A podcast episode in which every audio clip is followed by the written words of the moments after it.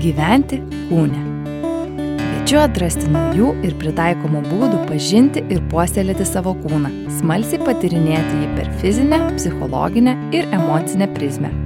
Tinklalaidė kuriama mylintiems sportą, besirūpinantiems savo sveikata ir tokiems kaip aš, kurie nujaučia, kad kūnas gali daugiau nei atrodo ir slepia daugiau nei galime suvokti.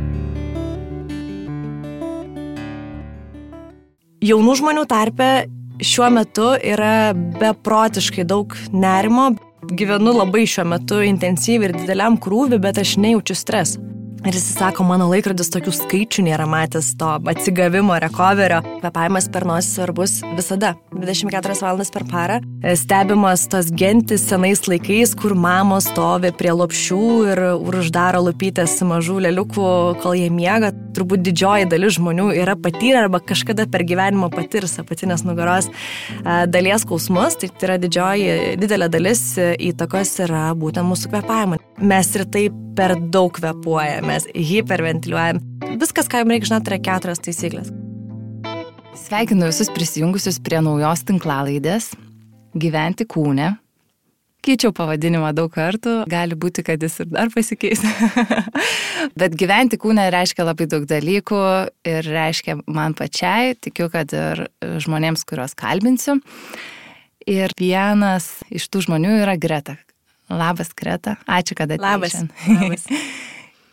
Man e, visada knietėjo daugiau sužinoti apie labai labai paprastą e, elementarų dalyką, kurį kitol mes laikėm visiškai nuo mūsų nepriklausančių procesų. Galvojam, kad kvepavimas tiesiog yra palaikymas mūsų gyvybės, mes neturim tam įtakos. Bet e, šiandien pakalbėsim visai iš kitos pusės, pašnekėsim labai plačiai ir paliesim ne tik kvepavimą, bet ir šaltį. Šiandien iš tikrųjų jaudinuosi, neslėpsiu, galvojau gal atėjus padaryti kokių kvepavimo pratimų, bet aš manau, kad mes kažkaip išsisuksime, ne? Tau irgi pirmas podcastas, kiek žinau, ir mes galėsim šiek tiek leisti savo nežinoti, pabandysim paimti e, temas, kuriuose nardom labiausiai, bet nuklysti į lankas visada labai prašom. Labai trumpai apie mane. Aš esu Eglė Zarembi, sveikatingumo ir funkcinio kvepavimo instruktorė, turiu bazinius pagrindus, kuriuos gavau pas tave greta. Ir pati aš tikrai, palyginus, žengiu tik taip pirmus žingsnius, taikau vieną kitą pratimą savo vedamose treniruotėse, e, dažnai išgirstu klausimų, tai kodėl reikia kvepuoti per nosį ir, ir bandau paaiškinti, kartais irgi taip iki galo savim nepasitikiu, tai manau, kad šiandien paliesim viską. O, o tu pati greta esi oficiali ir sertifikuota Wim Hofo metodo bei Oxygen Advantage funkcinio kvepavimo instruktorė, kinesterapeutė ir sveikatingumo specialistė jau beveik beveik 10 metų gerinanti visuomenės sveikatą. Greta įkūrė sveikatingumo erdvę Move to Move bei yra sveikatingumo ir trenerių rengimo mokyklos Active Training vadovė. Aš galvojau, ateitama čia nuo savęs dar pridėsiu taip. E, Greta dar yra žmogus, kuris miega užsiklijavęs burną ir žmogus, kuris e, nardina kitus žmonės į ledinį vandenį. Šitas man labai patinka. Jo. Vis stebiu tave ir pavydžiu nes e, matau, kiek naujų patirčių atnešė kitiem gyvenimą ir, ir tikiuosi aš irgi kažkada prie to prisiliesti ir pabandyti panardinti ir save į tą ledinį vandenį. Besiruošiant mūsų šitam pokalbiui, atradau laiko perskaityti James Nestor knygą Kvepavimas ir mes abi turim dabar po tokią knygą ant stalo, nesusitarusias visiškai. Jis yra parašyta gan populiariu tokiu būdu, nėra per daug mokslinė, bet, e, bet ten tiek daug visokiausių minčių ir tiek daug e, tyrimų situacijų, kad man tiesiog sproginėjo smegenys skaitant ir aš kažkaip pradėjau galvoti, kad kvepavimas yra kažkokia panacėja. Man dažnai taip gyvenime pradeda atrodyti, kad kažkoks dalykas yra e, visų lygų gydimas ir kad kažkas turi veikti šimtų procentų visiems mano aplinko žmonėm, kažkuo labai užsispiriu ir, ir, ir pradedu tikėti. Ir šį kartą skaitydama knygą irgi galvoju, Eglė, nusiramink. Gal čia pervertinama, aš norėsiu pasitikrinti šiandien su tavim tą mhm. realybę, mhm. bet ten paminėta vat, ta pirma mintis, kad kvepavimas visgi yra nuo mūsų priklausanti funkcija ir kad tai yra galimybė, tai yra vaistas nuo lėtinių lygų, nuo nugaros skausmo, nuo nemigos, nuo depresijos, nuo nerimo, nuo tiek daug dalykų, kuriuos mes patiriam ir, ir nu, kuriuos bandom gydyti kažkokiais pratimais, vaistais ir kitais metodais, o kvepavimas yra toks pasiekiamas įrankis, toks nemokamas, kad labiau nemokamo negali būti, ne? Norėjau pasakyti taip. Ir, ir jis yra pasiekiamas va šią minutę, čia ne, tau nereikia nieko, nereikia kilimėlio, nereikia uh, būti vienam. Tu gali tiesiog kvepuoti troleibuse, gali Būtent. kvepuoti visur. Ir šią akimirką netgi, jeigu jau nu, baisiai, baisiai jaudinčios, aš galėčiau ten tą 4, 7, 8 mhm. ar, ar dėžutės kvepavimą padaryti. Ir kad taip labai toli jau ten nenuklysti, aš galvoju, pradėkim nuo tos pradžios, kodėl tu pati į tą kvepavimą atėjai. Mhm. Ir, ir baigiai kinesterapiją, dirbi su sveikatingumu, ar neužteko tų kinesterapinių įrankių, kad padėti žmonėm? Ja, tu jau daug atsakai su savo intro e, į visus tos mano klausimus, bet e, su kinesterapija tai buvo labai įdomu, nes šiaip man buvo labai įdomu mokytis kinesterapijos, aš mokiausi, e, jos mokiausi Lietuvoje ir tuo metu atrodė, kad aš daug žinių gaunu ir galiu greit pritaikyti, bet paskui, kai susidūriau praktikoje ir e, realiai mokydamasi mm, aš neturėjau nei vieno kurso, nei vieno modulio, nei vienos valandos skirtos apie kvepavimą. Kvepavimas yra judėjimo pagrindas, aš mokiausi apie gydimą judesiu ir neturėjau nieko apie diafragmą, nieko apie tiesiog esminį, paprastą, banalų mūsų kvepavimą. Ten kiek anatomijai pasimokė ir, ir tiek žinių.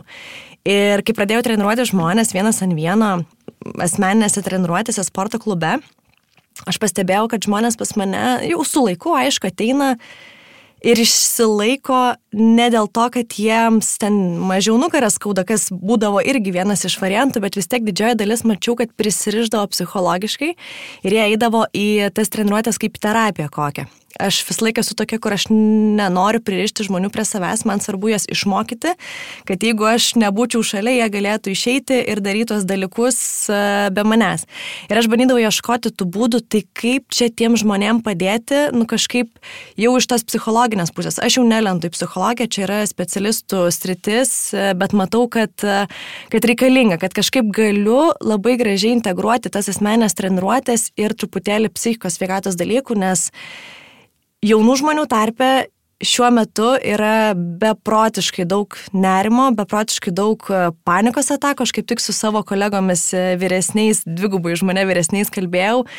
Ir jie negalėjo patikėti, sako, mūsų tarpe mes net nebuvom girdėję, kad tokie dalykai kaip panikos atakos vyksta, o aš sakau, mano aplinkoje, bent jau Vilniui, tai yra nu kas antras patiria kažkokius tai nerimo, nerimo pasireiškimus. Ir kažkaip man natūraliai labai atėjo tas kvepavimas, iš pradžių vyras apie Vim Hofą dar iki karantino užsiminė Vim Hof metodą, aš ten pradėjau knaisiotis giliau, tada metodas yra metodas, man knėtėjo sužinoti pačius pagrindus, tada pradėjau giliau domėtis įkvepavimo pagrindus ir pamačiau, kad čia gali būti tas dalykas, labai gražiai integruojamas į treniruotės ir kartu labai labai stipriai prisidedantis prie žmonių psichinės sveikatos gerovės ir iki šiol e, jau šiuo metu treniruočių nebevedu, bet matau mano klientai vis kokias nors pasileidžia kvepavimo praktikas, ten sako, va, dėžutės kvepavimą darau čia, kai, kai stresuoja ar kažkas ir taiko sėkmingai ir mažina tą nerimą ir paskui gyvenime geba priimti sėkmingesnius, geresnius sprendimus vien dėl to, kad tiesiog yra stabilesni. Tai, nu, man atrodo, čia labai, kaip ir sakai, nieko nekainuojantis, nuostabus metodas, bet labai gaila, kad Labai gaila, kad anksčiau apie jį nesužinojau, bet labai džiugiuosi, kad e, dabar turiu visas galimybės toliau gilintis čia. O ar poreikis ir noras e, palaikyti žmonių psichinę sveikatą atsirado konkrečiai dėl žmonių ar pirmiausia dėl savęs? Nes aš pati eidama į sportą supratau, kad vienas iš dalykų kad aš visada sportuočiau, aš turiu tą uh, perduoti. Tai turi būti mano darbas, nes uh, tam tikrus dalykus gyvenime taikyti yra daug lengviau, jeigu jie yra tavo didelė gyvenimo dalis. Tai man uh, tikrai daug, daug lengviau gyventi sportu, dirbant šitoj srity. Tai vad kaip tau su kvepavimu, ar tai buvo tavo toks irgi kažkoks įrankis pačiai savo padėti? Aš e, labai gilą neturiu tos istorijos, e, nesu tokia įdomi žiniasklaidai, nes neapverčiau savo gyvenimo užtinkojam su kažkokiu tai metodu ir negaliu sakyti, kad čia man išgydė visas mano ligas. Nepakilai iš pelenų, įkvėpusi. Neturiu tokios istorijos, tai ne, nenustebinsiu kažko labai, bet e, aš iš principo esu toksai ganėtinai sąmoningas žmogus, jeigu esu jau sveikatingumo srity, kad ir kur knaisijos, kad ir kuo domiuosi, aš vis tengiuosi integruoti kažką tai pas save. Tai aš labai greitai pajaučiau tokio pavyzdį kvėpavimo naudą, dažniausiai mm, aš jo netaikau tokio, kad atsisėsti ant kilimėlio ir zen, ten medituoti, kvepuoti. E, kartais taip darau, bet tai nėra toksai mano būdas. Aš daugiau remiuosi tą tokį kaip sąmoningą kvepavimą ir daugiau analizavimą to kvepavimo nuolatos. Ir jeigu aš jaučiu, nežinau, nerimą, stresą, aš grįžtu prie savo kvepavimo, pasižiūriu, kaip kvepuoju, gal galiu šiek tiek pasikoreguoti, pasikoreguoju ir tai man padeda tiesiog mm, važiuoti, traivinti per gyvenimą, ypač turint didelį krūvį. Aš jaučiu, kad važiuoju, gyvenu labai šiuo metu intensyviai ir dideliam krūvį, bet aš nejaučiu stresą. Aš pakankamai wow. sėkmingai einu per tos dalykus, kur, da, nežinau, mano vyras dabar žiūri mane ir jis jau stresuoja vien žiūrėdamas. Aha. Tai, tai vat, gal man tas labiausiai pasijaučia, kad aš tiesiog gerai jaučiuosi ilgą laiko tarpą ir man pavyksta nesudegti, nes aš viską, nu taip, protingai susidėlioju, mhm. aišku, prisideda dienos režimas, fizinis aktyvumas, daug visų kitų dalykų. Mhm. Tai čia jau yra labai daug, nes mes visi norim labai daug nuveikti kiekvieną dieną.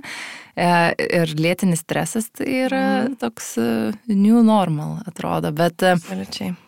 gal tuomet, jeigu neturi, žinai, tos išsprogdinančios istorijos, kaip pakilai iš pelenų, tai gal iš tavo klientų, tavo artimų žmonių tarpo, kurie pradėjo taikyti kvepavimą tam, nežinau, profilaktikai, gydimui mm. ar, ar, ar panašiai, gal yra kažkokių įdomių istorijų, kas pasikeitė.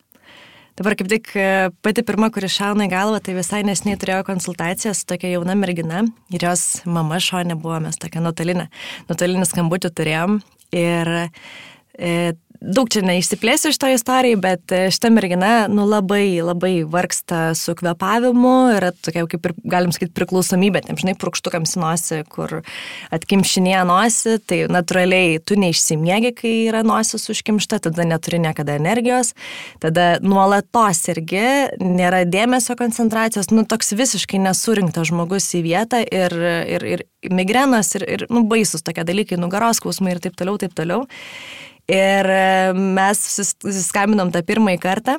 Sako, aš jau neatsimenu, ką reiškia kvepuoti per nosį ilgą laiko tarp. Ir čia, kur tu prieš tai sakei, jeigu užsikimš nosis čia be kvepuojant, padarysim tą vieną savo pratimuką atkimšimo ir mes padarėm šitą pratimuką su jie nuotoliu. Ir jis sako, aš galiu kvepuoti, aš galiu įkvėpti. Ir jos mama sako, o dievas, stebuklas kažkaip. sako, mums nei vienas gydytojas nepadėjo, mums jokie purkštukai, nosį, jūros ten vanduo ar kas ten bebūtų, nieks ne, nepadėjo. O čia va, vieną pratimuką, tris serijas padarė, jau gali kvepuoti. Aišku, kurį laiką tu turi tai nuolatos atlikinėti, kol vėl nosis pripras kvepuoti, bet man šitą tokia atrodo, nu, va kaip greitai gali Aha. padaryti įtaką kvepavimas. Ten aišku yra ir ten visokių kitų istorijų. Turiu ir e, vieną sportininką, kuris e, pradėjo klyjuoti lūpas naktį mhm. miego metu.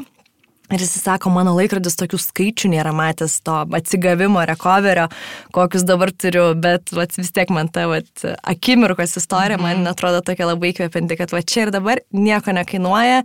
Aišku, reikia truputėlį būti sąmoningu, kad mm -hmm. prisiminti, kad taikyti visą tai, bet, nu, nuostabu. Mm -hmm. nu, čia kaip ir viskas, viskas, ko netaikai. Uh... Yeah yra nulio vertės, mm, bet e, prieėm jau truputį prie to lūpų užsikliavimo naktį. Ne? Aš kaip pirmą kartą buvau pas tave mokymuose, tu šitą pasakyti, tai manęs vos neištiko tas panikos priepalis tada.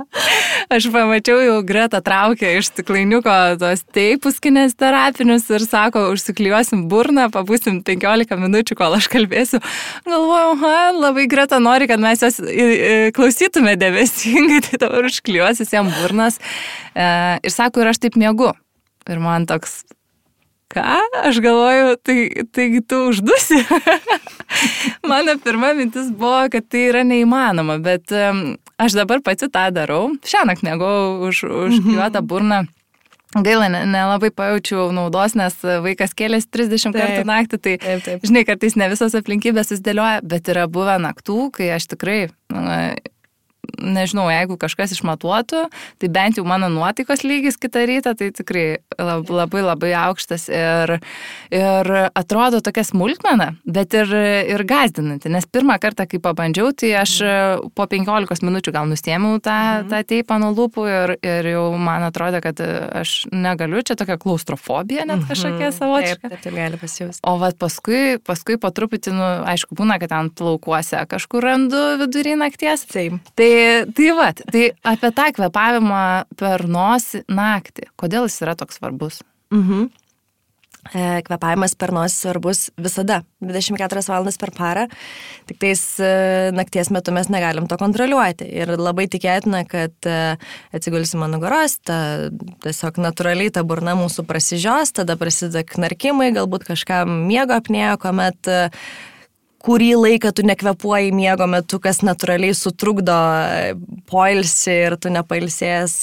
Žodžiu, miegas yra svarbiausia mūsų iš principo dienos dalis, e, paros dalis, lygiai taip pat ir sportininkam recoveris atsigavimas yra svarbiau negu pačios treniruotės. Tai jeigu tu turi gerą miegą, tu turi visą gerą savo dieną ir visą gerą savo sveiką gyvenimą, bet e, tas mūsų dažnai kvepavimas per burną čia galima vardinti ir vardinti, kodėl tai yra blogai, nes nosis iš principo yra skirta kvepavimui, e, burna skirta valgymui, išnekėjimui ir e, nosis turi daugybę, daugybę funkcijų nuo šildymo, tarkim, ypač va dabar vėsiu oru, kai mes einame lauk ir kvepuojam burna, tai tiesiog visas tas šaltas oras tiesiai keliauja į, į plaučius, o nosis šildo, filtruoja, valo tą mūsų visą orą ir ten išsiskiria daug visokių, ten jau biochemijų, biomechanikų visokių vyksta, tai naudos yra be galo be krašto, čia labai stipriai neišsiplėsiu, bet kad naktį mes praleidžiam miegodami, nu kiek, 8 vidutiniškai valandas, tai yra trečdalis mūsų visos dienos. Ir jeigu tas 8 valandas yra kvepuojant pro burną, kas yra absoliučiai nenaudinga, žalinga, tai turim, ką turim. Tai vien pakeitus va tą trečdalį, nes tiesiog nesąmoningas dalykas, tu nori, nenori, ne, nesukontroliuosi šito reikalo be lipduko. Ta lipduką irgi galima taip, nu, užsiklijuoti ne per visas lūpas, per, per truputėlį, kad jeigu kas, drąsiai gali įkvėpti per, per burną, jeigu reikėtų, jeigu kažkas netyčia nutiktų. Tai irgi tai nėra toksai jau labai paniką kelintis dalykas, bet pasitreniruoti visą laiką siūlau prieš tai dienos metu pasivaikščioti namuose, pasižiūrėti, kaip jautiesi, kad vis tiek būna visokių žmonių, tai kad jautresnis žmogus e, tikrai netyčia nesupanikuotų ir, ir, ir bet bet kokia atveju mūsų kūnas protingas, mes jeigu reikia nusiplėšim tarp mm -hmm. nakties metu. O ar yra kažkokių kontraindikacijų, kad vat, kažkokie, kažkokie žmonės negali, negali ir tegul net nebando klyjuoti lūpų naktį? Ko gero, čia pirmas dalykas, kurį turėtų ir galėtų daryti visi. Čia ir net e, E, stebimas tos gentis senais laikais, kur mamos stovi prie lopšių ir uždaro lupytės mažų leliukų, kol jie miega. Tai čia visų visų dalykas. Tik dabar yra vat, naujas tyrimas išėjęs, e, irgi pavasarį, man atrodo, šiemet išėjo jisai, kuris sako, kad rekomenduojama neklyjuoti lūpų pilnai nuo kraščiuko iki kraščiuko, nes jeigu tu turi miego apnėją, tai tą vat, sutrikdymą miego metu, kai tu nekvepuoji kurį laiką, tai kartais mm, tai fiziologiškai noris tokį puf, padaryti. Aha. Tai vat per lūpas turi išeiti tas oras, jeigu netyčia yra miego apnė, tai tada geriau tiesiog klyjuoti, tarkim, nuo viršutinės lūpas iki apatinės, bet ne per visas lūpas, o šiaip daugiau jokių kažkokių kontraindikacijų šitam, šiai minutiai nėra, gal rytoj sužinosim, bet šiai minutiai dar neteko girdėti. Mhm. Aš irgi iš, iš tų žmonių, iš tų mamų, kur uh, stebi vaiką mėgantį ir uždarinėja burną po šitos knygos skaitimo. Iki tol nebuvau ramiai mėgodavau, bet dabar labai daug, e, labai neduoda ramybės.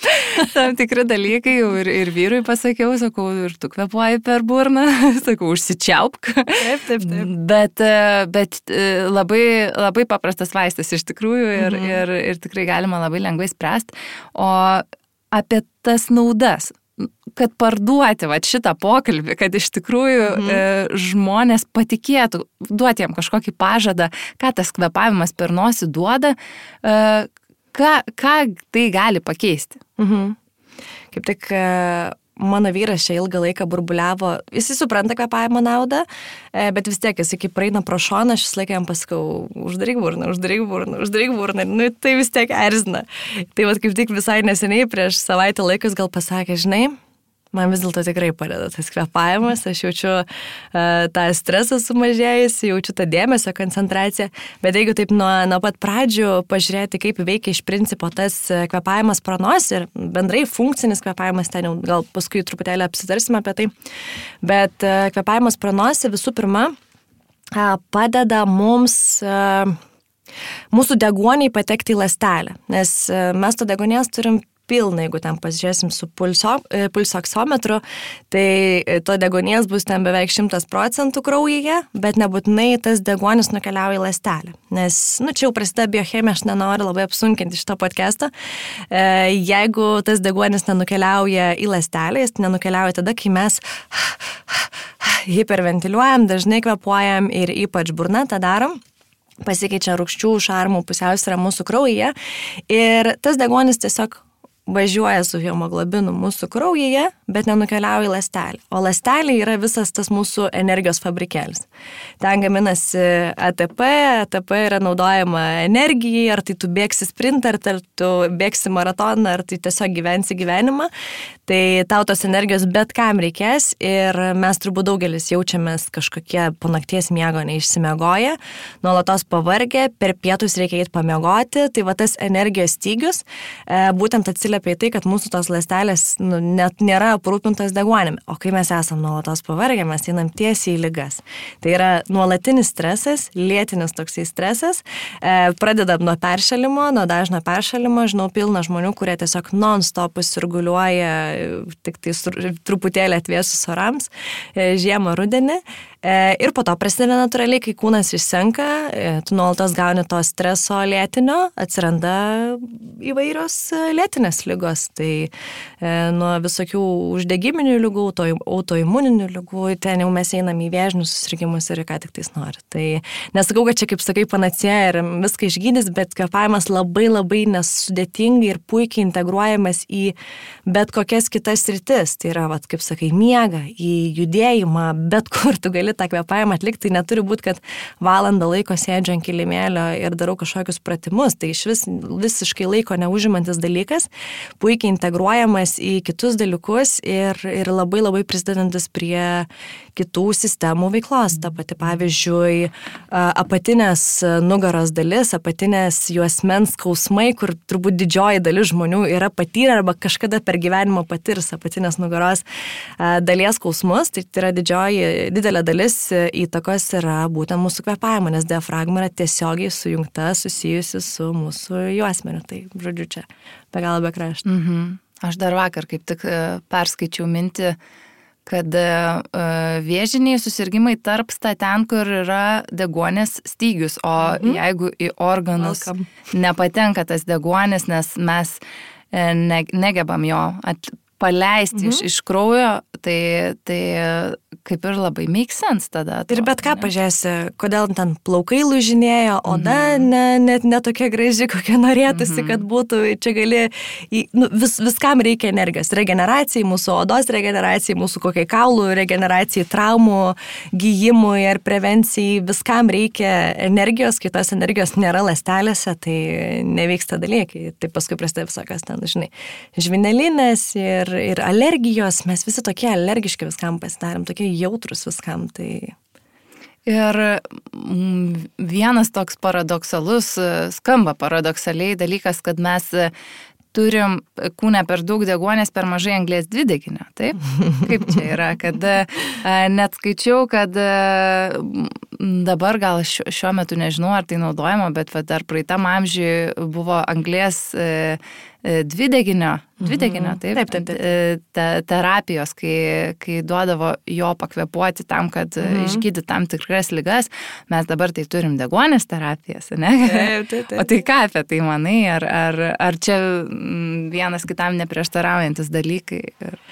E, degonės tai turbūt yra tiek, kiek yra, bet uh, mes ką tik pašnekėm, kad mažai to degonės, dėl to lastelėse pačiose kraujyje tai viskas tvarkoj. Uh, bet kalbant apie anglės dioksidą, tai taip, tai mes kažkaip mokyklai buvo mokomi, kad čia yra išmetamos dujos, jos yra nereikalingos atlikos ir, ir tu jas išputi, iškvėpdamas ir tiek žinių, ir tam paskui medžiai pasiema visą mhm. šitą medžiagą, bet iš tikrųjų tai mums yra labai svarbi pusiausvėra tų dujų, tai mūsų kūne turi būti natūrali graži pusiausvėra, o ką mes dažniausiai matom, tai um, jeigu taip pat kažkokį praeivį, o dabar gatvėje Vilnius susistabdysi, tai labai tikėtina, kad jis kažkur skubės, kažkur bėgs, kažkur bus stresas ir jisai kvepuos kai tu kvepuoji greitai, kai tu, vad sakau, tą hiperventiliaciją atlieki ir dar jeigu per burną, jeigu tai paprastai tariant, mes iškvepuojam anglijas dioksidą. E, tas iškvepuotas anglijas dioksidas, ką ir prieš tai minėjau, keičia mūsų rūkščių ir šarmų pusiausvyrą. Ir kai kinta mūsų ta rūkščių ir šarmų pusiausvėra, vėl aš grįžtu prie to paties, kad atsiranda stygius degonės. Čia toksai visiškai paradoksas. Degonės yra pakankamai, bet jeigu yra nepakankamai anglės dioksido, pritrūksta degonės lastelėse. Tai kaip ir viskas kūne turi būti pusiausvėrai, negali būti ekstremumum niekur, mes negalim turėti nei per daug anglės dioksido, nes tai irgi nuodinga, ten nei, nei degonės per mažai per daug, tai visko turi būti pusiausvėra, tai lygiai tas pats ir čia. Mhm. O dar kalbant apie kvepavimo praktikas, aš kažkada e, pastebėjau, jog įkėlė istoriją, kvietėjai savo kvepavimo užsiemimą ir paminėjai, kad tai yra ne ezoterika. tai ar žmonės vis dar tapatina kvepavimą su mhm. ezoterika, ar mes tiesiog kažkaip Lietuvoje turim tos tokios ezoterikos susijusios su kvepavimu paklausos ir pasiūlos, kaip čia yra, kad, kad vat, reikėjo, nu, atėjo mintis net tai pabrėžti. Aš visą laiką sakau, jeigu tau padeda, nesvarbu kas, placebas tai būtų ar kažkoks dalykas, liuksų valio taikyk, čia labai nuo žmogaus turbūt priklauso. Jeigu tau padeda ezoterika, aš visiškai nieko prieš. Aš daugiau turbūt kreipiuosi, mano auditorija turbūt yra daugiau vakariečiai. O vakariečiai yra tie žmonės, kuriems reikia įrodymų, jiems reikia mokslinių tyrimų. Tiesiog yra, ir aš jų nekaltinu, nes yra labai normalus dalykas, jie kiekvieną dieną e, mato aplinkui pasiūlymų kažką pirkti, kažką išbandyti, kažką, tai viskas, visa galva zuja aplinkui tik tais nusipirka nors. Ir tas kvepavimas irgi natūraliai ateina į jų, jų akiratį maždaug kaip produktas. Ai, kaip produktas dar kažkokia viena čia praktika kažkokiam velniam išvaryti. Tai aš visą laiką sakau, būtent stengiuosi vakariečiam tai pritaikyti, nes kvepavimas toli gražu, funkcinis kvepavimas tai nėra nauja kažkokia praktika, ten jau tūkstančiais metų yra taikoma daugiausia aišku rytuose ir mes kažkaip matom bent jau Ne tik galiu sakyti, Lietuvoje ir Europoje, Europoje, gal ten vakarų Europoje jau truputėlį lankščiau visas tas dalykas vyksta, Lietuvoje dar truputėlį konservatyviau, bet mes vis dar matom, kad, mm, nu čia, jogų, nu čia reikia, čia būtinai reikia smilkalą užsidegti, ten kvapuojant ir panašiai. Tai va aš bandau truputėlį pasiekti tą vakariečių rinką, išsklaidyti tuos smilkalų dūmus ir pasakyti, žiūrėkit, čia nieko tokio mandra nėra, aš stengiuosi labai viską fiziologiškai aiškiai paaiškinti, parodyti kažkokius mokslų pagristus tyrimus, kad tie žmonės tik išbandyt.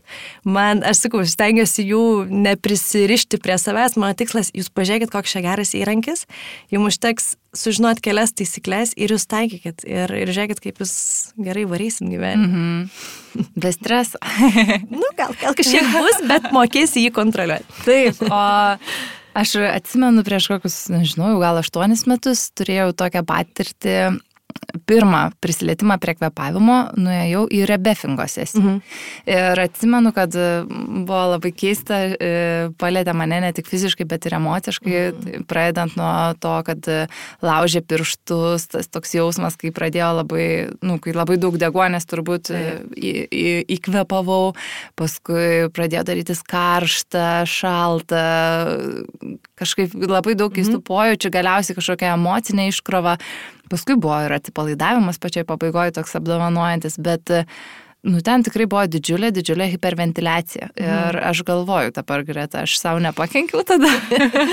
ir, ir aš nenoriu, žinai, gal, kad mes kažkaip kažkuria e, kvepavimo rūšį nustumtume į, į šoną, bet e, tiesiog, vat, kokia tavo nuomonė apie tas mhm. hiperventiliacijas ir, ir tokius. Tai kaip tu ir sakai, e, jauti visokius pojūčius, ten pirštus traukia ir panašiai, tai kažkas gali tai apibūdinti kažką magiško, ten nežinau, valasi demonai tavo kažkokia iš kūno, bet visa tai yra paaiškinama fiziologiškai, ten kažkur susitraukia kraujagislės, kažkur trūksta degonės, maisto medžiagų, čia nėra toks jau e, sudėtingas visas mechanizmas, bet jeigu taip žiūrėtumėm į mm, taisyklingo e, kvepavimo nežinau, metodiką, pagrindus, kaip turėtų tas kvepavimas atrodyti mūsų kasdienai ir kaip turėtų vyrauti, tai šio laikinio žmogaus kontekste hiperventiliacija neturėtų būti tas dalykas, kuris turėtų dominuoti. Nes mes ir taip per daug kvepuojam, mes hiperventiliuojam,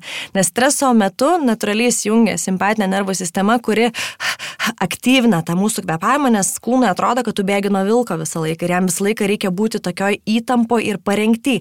Bet uh, vėlgi, grįžtam prie tos pačios pusiausvėros, kad mums reikia išlaikyti pusiausvyrą, mums reikia ir kažkada nurimti. Tai tas hiperventiliacinis mechanizmas, jisai labai stipriai iššaukia, tiesiog įjungia simpatinę nervų sistemą. Tai yra ta mūsų kovos būsena. Tai jeigu aš ką tik iš ofiso ir taip ten kovoju už savo buvį, atėjau į ankilimėlį ir dar valandą dar stipriau turiu kovoti, mm, tai tada kvestionuojamas dalykas.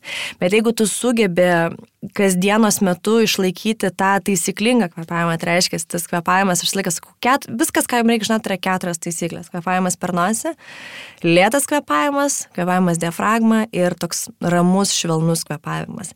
Jeigu tu sugebi visą tai išlaikyti savo kasdienai, kodėlgi ne? Drąsiai galėti bandyti. Lygiai taip pat aš esu Wim Hof metodo atstovė ir tenais irgi yra dalis hiperventiliacijos, dalis oro užlaikymo, kas yra e, visiškai stresą aktyvinantis dalykas, bet čia jau gali iš kitos pusės pažiūrėti tą stresą, nes e, laikinas trumpalaikis stresas va, tarkim, kaip mes iššūkiam Wim Hof metodą arba rebefingo e, metu, jisai mus stiprina, jisai mūsų supurto, kaip ir va, mes sakom, lipam į akitę, tai toks yra tarsi supurtimas, nes mes jau, mes jau nebeturim tokio mm, rimto adrenalininio potyrio savo gyvenimuose, dažniausiai tai yra toksai lėtas, lėtas, lėtas e, nuolatinis stresas.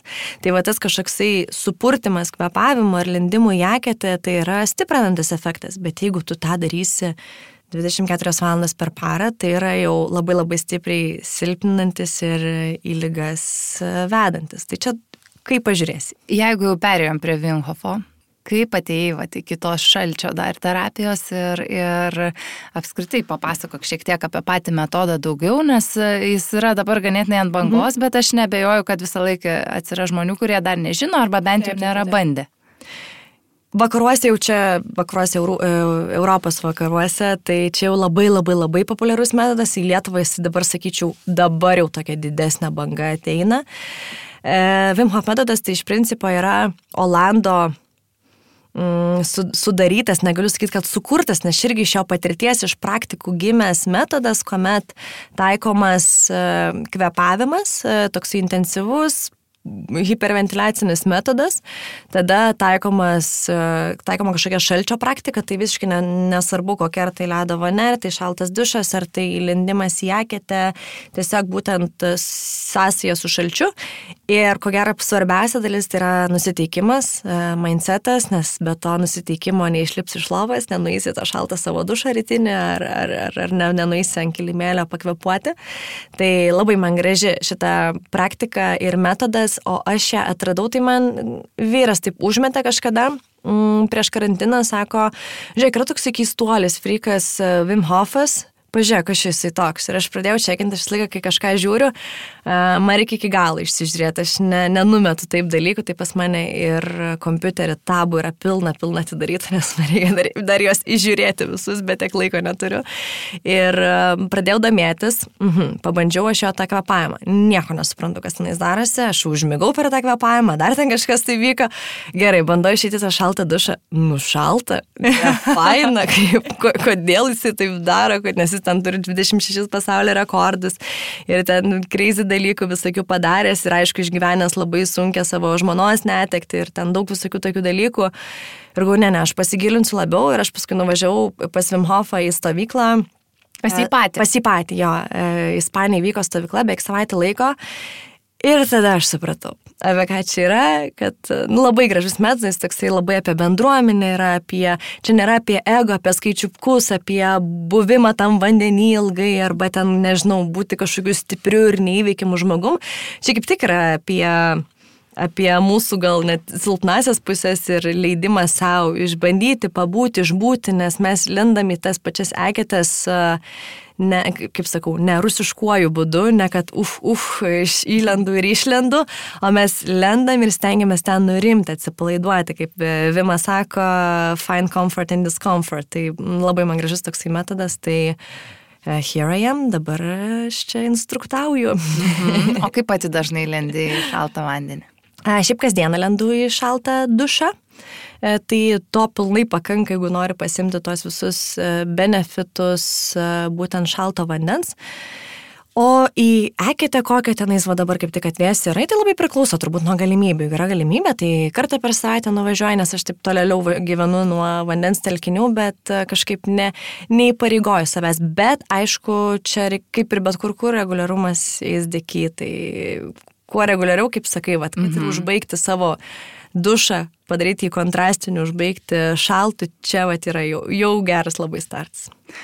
Aš atsimenu, kai pati pirmą kartą išgirdau apie Vimhofą, tai buvo mano mm, kažkuria mano darbe turbūt pakviestas Vinhofo instruktorius mm -hmm. ir jisai sako, padarysim tą kvepavimą ir tada prieš jį ir po jo darysim atsispaudimus ir pasižiūrėsim, ar skiriasi. Tai čia toks kažkoks namudinis eksperimentas, patikrint kažkokią tą e, tarsi tokią naudą. Ir aš dabar vat, neseniai visai jį prisiminiau ir galvoju, padarysiu. Tai aš, e, nu, pusantro karto tiek atspaudimų padariau, kiek Taip. įprastai padarau ir galvoju, va, va, va, čia gerai. Aš laiką šitą workshopą savo irgi duodu labai faina žmonėm. Sėdi, akis išsprogdina, sako, aš iš vis nepadariau atspaudimo, o dabar va ten, nežinau, dešimt. taip, taip, tai va. Tai čia uh, toks labai lengvas eksperimentas, jeigu kas klausot irgi galėsit, galėsit pabandyti. O apie tą šalčio naudą, kaip jinai mus sustiprina. Mhm. Mesgi bijom šalčio, ne? Visą laiką sakom, uždaryk langą, nemegok prie atviro lango, užsidėk kepurę, uh, apsimauk ilgas koinės, ne, kad nebūtų mhm. tos kojos plikos, o kaip, jį, kaip jis mus veikia teigiamai. Mhm. Ja, čia gerai pasakyti, kad tas visą laiką apsirengimas, aš visai nesiniai turėjau tokį mini renginuką e, senjorą Vilyje, ten toksai bendruomenė senjorų, jie turėjo gražų ten renginį ir aš buvau viena iš tų dalių, kur jie atydavo ten turėjom tokius dubenis sukrautus su ledukais Ir jie taip ateidavo, pasižiūrėdavo, nusikratydavo ir išeidavo. Ir tada vis tiek grįždavo, dar kiždavo nosį, vėl naidavo kažkur. Tada galiausiai vis tiek ateidavo, sustodavo, e, pamatydavo, kad kažkoks jau senioras įmerkęs tas rankas ar kojas yra į tą dubenį. Ir jau, jau moteris jau pradėdavo ir veidus ten kišti, kad žodžiu terapija, ten jaunėjimo eleksyras ir dar kažkas. Tai jo, tai mūsų rankos, kojos, dažniausiai ką mes pajaučiam, tai linkusios šalti. Ir Vien dėl to, nes mes neturim šalčio savo aplinkoje, mes nebe, nebepatiriam niekada šalčio, viskas yra gerai su to komfortu, džiaugimės, mylėkime, kad iki tokio taško atkeliavam, bet reikia prisiminti, kad mūsų kūnas, čia jau net trečią kartą kartoju, reikalauja balanso visame kame. Ir tas rankų kojų, pavyzdžiui, merkimas man yra tokia labai labai gera praktika, tarp kitko netgi sunkesnė negu visų kūnų įlysti į kažkokią vilnelę ar ledo bonę ar kažkur tai, nes tu pajauti, kaip stipriai tenais dirba tavo kraujas kraujagyslės ir, pavyzdžiui, kai yra pratusios e, visą laiką būti šiltai, pirštinės, koinės, vilnonės, visą laiką ten šildomas grindis ir panašiai, panašiai. Ir kai tau reikia įdėti tas rankas į, į dubenį ir tu matai, kad puf, nelabai išeina, nes e, labai labai jautru. Ir, skauda. Skauda ir, tai yra, ir paskui sakau, tai čia gal tavo labiausiai šalanti vieta apskritai yra, sako, jo, iš kur žinai, nes skauda. Ekstrasensė. Taip, taip. Ir paskui žmonės pradeda taikyti tas uh, dubenų su ledukais praktikas namuose, tai užtenka tiesiog reguliariai tą savaitę, mhm. dvi pataikyti ir sako, man nebešala galūnės. Mhm. Tai čia tokia viena iš, uh, viena iš benefitų. Čia galim žiūrėti nuo, nuo fiziologijos iki psichologijos, nes tai veikia ir mūsų nervų sistemą, išsiskiria be galo dideli kiekiai e, noradrenalino, dopamino, kas dopamino mes dažnai ieškom telefonuose, skrolindami, tai tu gali tą dopamino gauti šaltam duše labai greitai, akimirksniu, kas prisideda prie mūsų depresijos valdymo, nes iš principo Wim Hof ir buvo pagrindinis tikslas, nes kadangi jo žmona išėjo iš šio pasaulio turėdama pogimdyvinę depresiją, Tai jo ir buvo tas pagrindinis tikslas, kad aš padėsiu savo praktikom, man tai padėjo išgyventi netikti ir aš padėsiu savo praktikom žmonėm, kurie turi depresiją, kurie turi kažkokius panikos, nerimos, nerimos simptomus, įveikti visas tas kliūtis, būtent va, taip tampant stipresniais. Ir dabar yra daugybė visokiausių įrodymų, kaip tai padeda biochemiškai, kai išsiskiria įvairios medžiagos, kaip tai padeda mūsų nervų sistemai, kaip tai stiprina mūsų, negaliu sakyti, stiprina, gal taip uh, mm, optimizuoja mūsų nervų sistemą, nes ne, visą laiką stipri irgi negali būti, turi būti balansas. Mm -hmm. nu, čia šios dienos žodis, man atrodo, mm -hmm. šiandieną. Tai Tai va, tai tos naudos yra nuo, nuo fiziologijos iki, iki psichologijos, tiek ta mūsų visa kvepavimo sistema, tiek visos mūsų kraujagyslės, nes kraujagyslės yra tie patys raumenys kaip ir mūsų kūne, tai jie, jos turi dirbti, o 50 procentų ir daugiau pasaulio žmonių miršta nuo širdies ir kraujagyslių sistemos lygų. Mhm. Tai yra kosmosas. Tai yra, reiškia, neturim fizinio aktyvumo, turim stresą ir taip toliau, taip toliau. Tai va čia yra vienas iš būdų truputėlį išjudinti tas kraujagyslės, leisti joms susitraukti ir paskui natūraliai vėl išsiplėsti, kad jos darytų darbą, nes jos turi varinėti kraują. Mhm. O dar visai neseniai išgirdau, kad e, tas šaltis kenkia uh, vyrams, va tai visai lytiniai funkcijai, prostatai, kuri paskui būna ateityje nu, tikrai mhm. labai tokia uh, dažna bėda. Ar yra iš tikrųjų kažkokių tyrimų atlikta, kad, kad nerekomenduojama gal kažkiek laiko būti, ar mhm. kažkuriai lyčiai labiau ar mažiau pavojinga? Aš domėjausi šituo, bet pati asmeniškai neradau, kalbėjau ir su viena e, gynekologė, kuri irgi e, domėjosi šitą temą, bet sako, aš irgi jokių tyrimų tokių kaip neturiu, kad vat, konkrečiai įlysi šaltį ir tą pablogės. Tas metodas, kurį mes taikom, mm, jis yra labai labai labai stipriai apie samoningumą.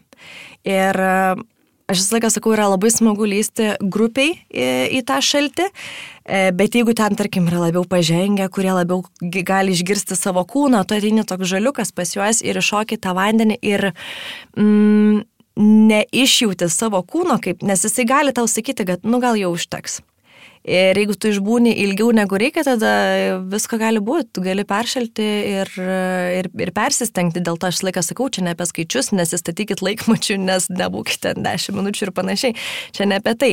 Bet jeigu tu būsi iki tol, kol girdi savo kūną, kol girdi savo mintis ir supranti, kas vyksta su tavo kūnu, tada viskas yra truko. Aišku, kas dabar manęs klauso ir nėra bandę įlysti tą ledą, sakys, nu nesąmonės, čia šneki, bet kai tu būni tame lede, tame šaltyje, tai yra kelios sekundės, kelios minutės e, tos akimirkos, kai tu apie nieką kitą negalvoji, tik apie save, tu būni tik čia ir dabar, tai yra vienintelis tas laikas, kai tu gali grįžti į save. Ir būtent tada labai labai svarbu yra susikaupti ir būti čia ir dabar. Tai kalbant apie, apie vyrus, apie prostatą ir panašiai, panašiai. Tai vis dėlto yra stresorius, Tai lygiai taip pat kaip ir karštyje išsiplečia kraujagyslės, šaltyje iš, e, susitraukia kraujagyslės, tai tarkim tas pats lindimas e, į pirtį, paskui į eketę, tai va čia jau yra didelis ekstremumas, nes ką tik pirtį tavo kraujagyslės išsiplėtė, tu lendi į eketę, jos susitraukia. Tai jeigu tu jau tik, kad tu turi kažkokią tai silpnąją vietą, tai aš tau tą siūlyčiau arba vieną daryti, arba kitą mhm. daryti, nes abu tai čia tikrai yra ekstremalu, kaip ir su tom pačiom e, širdies lygom, kurie, kur žmonės turi. Tai nėra rekomenduočiau daryti ir pirties, ir, ir tarkime, kėties. Bet jeigu tu ateini į šaltį nesukaitęs, dėl to mes vis laik ir sakom, kai lendam į vandenį, mes nedarom apšilimų. Mes nusirengiam ir leidžiam net kaip tik savo kūnui truputėlį atvėsti ore, tada kraujagyslis jau pradeda užsitraukinėti ir tu eini į tą vandenį, jos pilnai susitraukia, grįžti iš vandens, tada sušilimas geras, mhm. nes čia daug visokių niuansų. Jeigu tu tada nesušyli, tada jau visko gali prasidėti. Tai išlipus iš vandens, sušilimas geras ir tada viskas turėtų būti sklandu. Jeigu kažkur tai pakibaitės kažkurio momentu, tada visko gali nutikti. Dėl to aš ir sakau, kad jeigu praktikuojate šitą dalyką, pradėkit su patyrusiais, ar taip nueikit pas instruktorių, išsiaiškinkit visus šitus niuansus, nu, just in case. Saugumas visą laiką pirmoje vietoje dar apie patį apie patį kvepavimą. Yra labai paprastų būdų, kaip galima savo kiekvieną dieną padėti kvepavimu, neturint labai daug žinių. Vienas iš dalykų tiesiog stengtis kvepuoti per nosį, super paprasta, nereikalauja e, jokio pasiruošimo. Kas dar? Gal yra kažkokių labai tokių elementarių pratimų, kuriuos mhm. vieną, du dabar galėtum paminėti ir žmonės, kurie nėra to bandę, pabandė, galbūt iškart pajaustų kažkokiam. Mhm. E, aš tokį nuėjimą padarysiu nuo ledo iki, iki streso valdymo. Tai turbūt pagrindinis toksai gal mitas, kurį žmonės e, dažniausiai galvoja ir taiko, kad pavyzdžiui, vat, ruošiasi kažkokiam pristatymui, varžybom, nu, kažkokiam svarbiam savo momentui, kur reikia tau nurimti, susikoncentruoti, tie žmonės tada nu, va taip giliai jį įkvepia. Tai va tas gilus įkvėpimas, e, jis priešingai, jis mūsų aktyvina, jis įjungia mūsų simpatinę nervų sistemą, tai reiškia, mūsų užsiveda visas mechanizmas, kraujospūdis, pulsas, kvepavimo dažnis padidėja ir mes, žodžiu, ruošiamės kovai.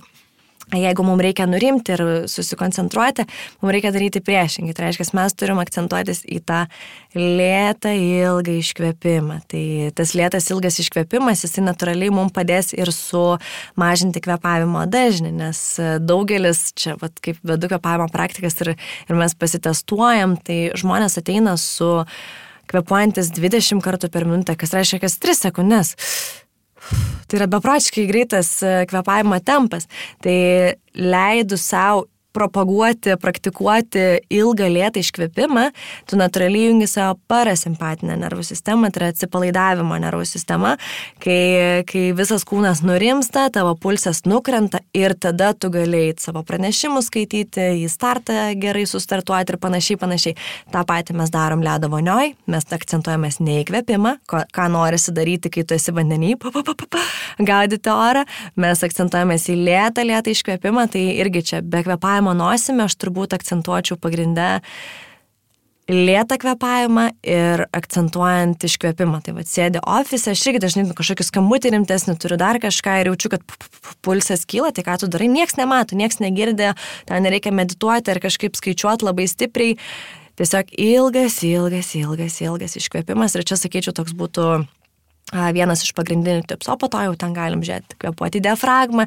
Čia gal taip nuotoliu labai stipriai nepaaiškinsim, kaip kvepuoti diafragmą arba kvepuoti ramiai, švelniai, bet manau, va šitie du kvepavimas nosimi ir kvepavimas lėtas su iškvėpimu turėtų būti tokie pagrindiniai, taikomi visų, nieko nekainuojantis, sakykit ir darykit. Mhm. Aš net e, mūsų pokalbio metu, kokius dešimt kartų turbūt taip lietai, tyliai iškvepinėjau, nes pagaudavau save, kad jau jaudinuosi, galvoju, ar čia visko paklausiu, ar nieko nepamiršau. Ir tada taip, Hmm, taip, taip, taip. Tyliai, ramiai. Aš visą laiką prisimenu iš tavo mokymų, kad įsivaizduokit, kad turit plunksną prie nosies mm -hmm. ir iškvėpkite taip, kad ta plunksna nesujudėtų, ne? Taip. Um, taip, dar vienas dalykas, ką norėjau, ko norėjau paklausti kvepavimas per dešinę ir kairę šnervę skirtingai veikia mūsų smegenis. Ir kvepavimas per dešinę tarsi suaktyvina, jungia tą simpatinę nervų sistemą, šiek tiek gal daugiau loginį mąstymą, kalbą mhm. ir, ir viską, kas smegenyse atsakinga už skaičius. O kvepavimas per kairę šnervę - parasimpatinę, atsipalaidavimą, mhm. polsį ir panašiai. Ar tame yra tiesos ir ar tai irgi taikai? Aš pati netaikau, bet tame yra tiesos. Jeigu nepameluosiu, man atrodo, Hillary Clinton šitą metodą yra taikiusi savo gyvenime, kai buvo labai labai stresinis periodas e, jos politiniai karjerai. Tai šitas dalykas veikia, čia yra labai labai senas jogų metodas, kurį iki šiol visi jogai, man atrodo, taiko savo praktikose. Tai labai nesudėtinga, čia aš neparodysiu, aha, kaip, kaip pištukais tą padaryti, bet uh, kodėlgi ne?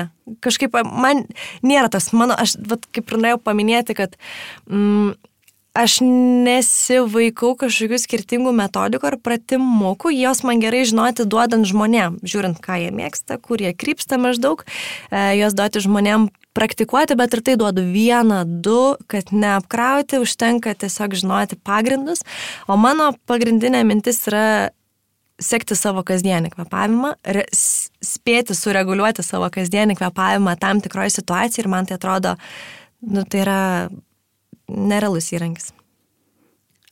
Aš paskutinį klausimą turbūt užduosiu, kad, kad mūsų pokalbis būtų pakankamai trumpas, kad žmonės klausytų, čia kaip su tais pratimais, ne? Kuo mažiau, tuo didesnė Taip. tikimybė, kad Taip. kažkas darys. Tai kai, e, kai nereiks dvi valandas e, klausyti laidos, tai gal iš tikrųjų e, kažkas išsineš naudą.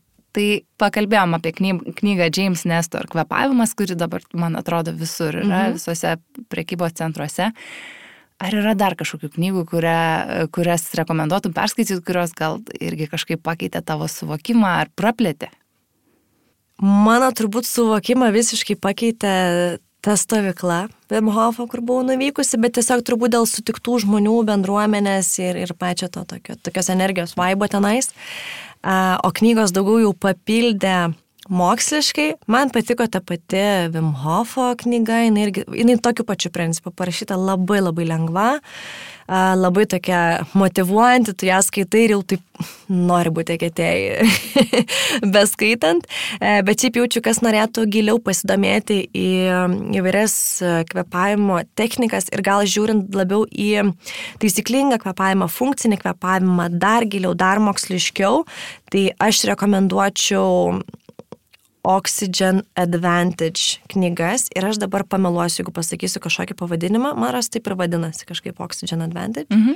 Ir tenais viena, viena yra tokia labai sudėtinga stora, kita yra lengvesnė ir vat, čia man atrodo visiems, kurie nori pradėti kvepavimo kelionę, ar tai instruktorius ar ne, ne instruktorius, tai galėtų būti labai labai labai geras įrankis viską praktiškai paaiškinantis, fiziologiškai, moksliškai. Mhm. Svarbiausia moksliškai, nes mūsų protui labai reikia. Labai reikia Vakariečiams tai, mhm. bet viskas gerai yra ir su rytiečių Taip. gyvenimu. Ir pabaigai, sakiau, kad laida vadinsis gyventi kūne. Tai ką greta tau reiškia gyventi kūne? Mhm. Man gyventi kūne reiškia būti sąmoningu ir šitas turbūt sunkiausias dalykas būti čia ir dabar ir e, praktikuoti tai, ką, practice what you preach, tai vad praktikuoti tos dalykus, bet vėlgi, kaip ir tavo buvo viena mintis, kad aplink yra daug ką praktikuoti, daug ką daryti, kaip ir sakai, meditacijos, kas tik tais nori, bet mes neturim tiek laiko savo gyvenime. Tai gyventi savo kūnę tai reiškia judėti, Mes labai mažai judame, aišku, aš kaip fizinio aktyvumo specialistė kitaip ir negalėčiau pasakyti, bet kuo toliau, to mes vis mažiau judam ir aš kai irgi truputėlį nukrypau nuo treniravimo, aš ruošiuosi visokiam paskaitom ir panašiai, panašiai, tai dar mažiau judu, tai jaučiu, kaip tai daro įtaką tiek mūsų psichologiniai, tiek fiziniai sveikatai, tai e, judėjimas, mytyba, nereikia nieko, jokių mandrų dalykų iš tikrųjų nereikia. Bus labai nepopuliari, nes čia nieko nereikia radikaliai keisti, kažkokių dietų ir panašiai, panašiai reikia tiesiog valgyti maistą normalų, juo mėgautis, juo džiaugtis. Aš laiką sakau geriau kartais e, pavartoti kažką mažiau sveiko, bet be kalties ir tas, tas ta kalorija, ar kad ir kas ten nueis, nueis jinai laiminga į tavo kūną ir neužsilaikys. Ir streso valdymas, nes šitą mums labai prireiks ir kuo toliau, tuo labiau prireiks. Ir tas streso valdymas pas kiekvieną gali būti labai labai skirtingas ir įvairus, tai kad, kad ir kas jums veikia. Man asmeniškai tai e, dienos režimas, miego, mano miegas tai yra labai iščiustytas, ten užtamsinti langai ir, ir, ir kaip sakai, išvedinta viskas ir lūpas užklijuotas ir panašiai, panašiai. Bet aš niekur taip gerai neišsimiegu kaip namuose, o geras miegas man padeda traivinti visą kitą dieną. Tai jaučiu, kad čia būtų mano tas gyvenimas kūne, va tokie, va, Mhm. Trys pagrindiniai dalykai. Tokie visiškai. Žiūrėjau, visiška bazė, nieko, mhm. nieko mandra nepasakysi, bet kažkaip mhm. mes ieškom tas stebuklingos piliulės, e, kad greitai mums išspręstų visus dalykus, nes mums reikia greitai dirbti, daryti mhm. dalykus, bet čia iš tikrųjų mums, mums tik reikia sustoti, man mhm. atrodo. Aš, aš pritariu, iš tikrųjų patys paprasčiausi dalykai, bet tai, ką mes taikom. Mhm. Tai gali žinoti krūvas metodų, Taip. praktikų, teorijų, būdų, bet tik žinojimas nieko uh, nepadeda. Bet uh, mane pačią smalsumas visą laiką veda išbandyti kažką naujo, mhm. dėl to turbūt ir atsirado šitą laidą, nes aš labai noriu kalbinti žmonės, kurie visais įmanomais būdais prisiliečia prie kūno ir prie to kūno puoselėjimo, nes gyventi kūne e, yra ir savotiška atsakomybė, ne? Ir, mhm. ir tai yra ir paprasta, elementaru, bet ir, ir, ir prisėmimas atsakomybė už savo, už savo gyvenimą, už tai, kaip tu jausies, koks tu būsi žmogus, koks tu būsi savo ir kitiems. Turi labai gražią misiją. Taip. Tai, va, tai labai labai ačiū tau, Greta, kad tu šiandien sutikai pakalbėti su manim, buvai, uh, sutikai kepti tą pirmą blyną. Kiek ten, kiek ten bus prisvilęs, pasižiūrėsim, gal visai su agenė suais. ir noriu tau palinkėti, nepamest savo misijos, nes jinai labai labai gražiai, jinai labai prasminga ir toliau tą visą visuomenę sveikatink. Ačiū. Ačiū. Visą.